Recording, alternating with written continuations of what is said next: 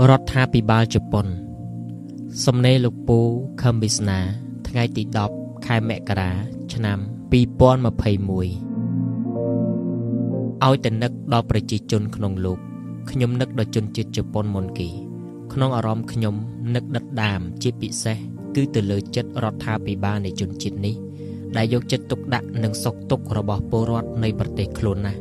ចង់ឲ្យពលរដ្ឋខ្លួនបានសុខដេកនឹកសពគ្រប់ល្អិតល្អន់ ថាតើធ្វើដូចម្ដេចឲ្យពលរដ្ឋខ្លួនបានសុខវត្ថុសពសារពើបំរើឲ្យជីវិតមានហើយ តែអត្រាសម្លាប់ខ្លួននៃជនជាតិជប៉ុនខ្ពស់ណាស់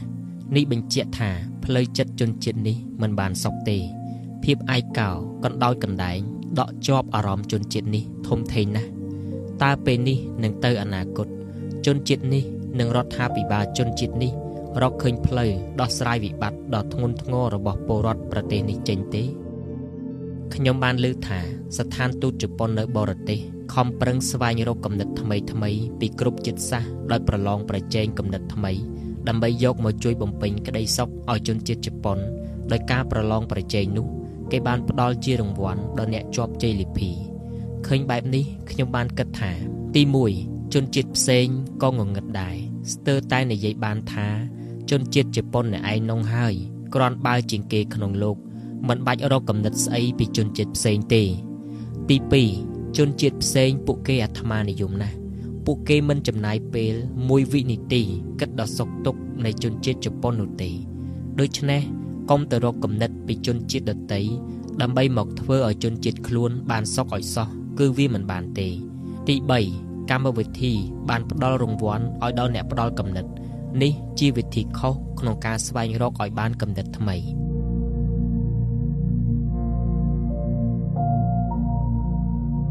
ចិត្តអ្នកសរសេរគំនិតគឺចង់បានរង្វាន់មិនមែនជាចិត្តផ្ដល់ឲ្យមិនមែនចិត្តនៃសពប្រសិជន ដែលគិតដល់សុខទុក្ខមនុស្សទេគេសរសេរយ៉ាងណាក៏មិនចេញជាគំនិតនាំសុខដល់មនុស្សកើតដែរ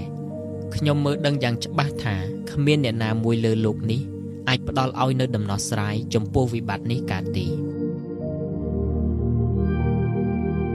ខ្ញុំកោតសរសើរទឹកចិត្តស្មោះត្រង់របស់ជនជាតិនេះណាស់ពួកគេមានគំនិតថាខ្ញុំមានអ្វីនៅថ្ងៃនេះគឺព្រោះតែក្តីស្មោះត្រង់របស់ខ្ញុំ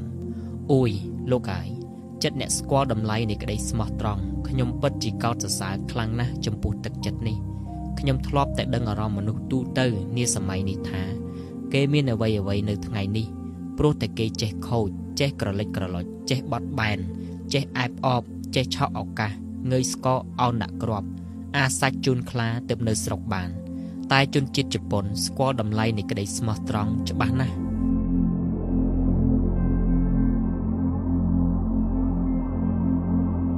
ថ្ងៃមុនខ្ញុំបានមើលព័ត៌មានវិស្វករជនជាតិជប៉ុនម្នាក់ដែលទៅរកស៊ីនៅប្រទេសវៀតណាមនិយាយពីការយល់ឃើញរបស់គាត់ក្រោយពីគាត់បានប្រស្រ័យតាក់ទងយ៉ាងជ្រៅក្នុងសង្គមវៀតណាមថា ជនជាតិវៀតណាមត្រូវការពេលវេលារាប់ម៉ឺនឆ្នាំទៅមុខទៀតដើម្បីកែតម្លាប់របស់ជនជាតិនេះហើយមិនដឹងថាបានសម្រេចឬអត់ផង អ្នកត្រូវតស៊ូឆ្លងកាត់របាំងមួយយ៉ាងធំព្រោះជនជាតិអ្នកមិនបានយល់អំពីតម្លៃនៃក្តីស្មោះត្រង់នេះទេពាក្យនេះឆ្ងាញ់ណាស់ខ្ញុំឮថារដ្ឋាភិបាលជនជាតិជប៉ុន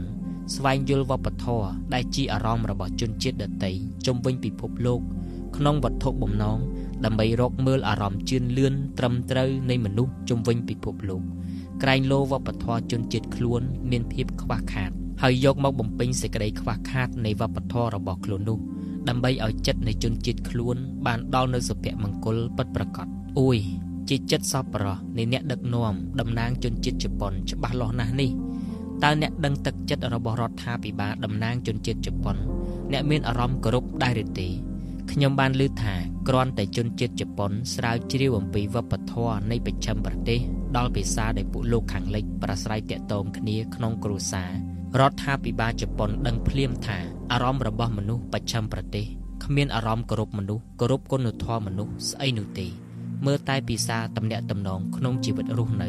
ដឹងថាជនជាតិអឺរ៉ុបមិនមែនជាជនជាតិថ្លៃថ្នូរបាត់ទៅហើយអ៊ុយទី1ខ្ញុំគោរពទឹកចិត្តរបស់រដ្ឋាភិបាល ដែលមានចំពោះជនជាតិជប៉ុនណាទី2ខ្ញុំកោតសរសើរបញ្ញាវៀងវៃរបស់ជនជាតិជប៉ុន ដែលគ្រាន់តែស្ទាបប៉ះភាសាដែលជនជាតិបច្ចឹមប្រទេសទំនាក់ទំនងគ្នាយល់ដឹងភ្លាមថា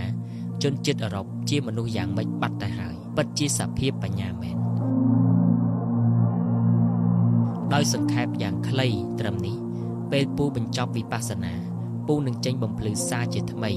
អំពីដំណើរធម្មជាតិ ដែលព្រះសម្មាសម្ពុទ្ធប្រនាមសាមណគោដមលោកត្រាស់ដឹងនិងបង្ហាញអំពីតម្រុយដែលជីវិតជាមនុស្សត្រូវរស់នៅ គឺជាផ្លូវជីវិតត្រូវពូនឹងមិនចោលជនជាតិជប៉ុនដាច់ខាត ហើយពូត្រូវតែលះបង់អ្វីអ្វីទាំងអស់ឲ្យសមនឹងតម្លៃនៃជនជាតិនេះ ដែលតម្លៃនេះគឺជាអ្នកកំណត់ការលះបង់របស់អ្នកដទៃចំពោះជនជាតិនេះ ពួកគេត្រូវតែទទួលបានមាគ៌ាជីវិតមួយត្រឹមត្រូវ ដើម្បីគេមានមូលហេតុក្នុងផ្លូវជីវិតដ៏ត្រឹមត្រូវនិងជាក់ច្បាស់ឲ្យពួកគេមានកម្លាំងក្នុងការរស់ជាសត្វមនុស្ស។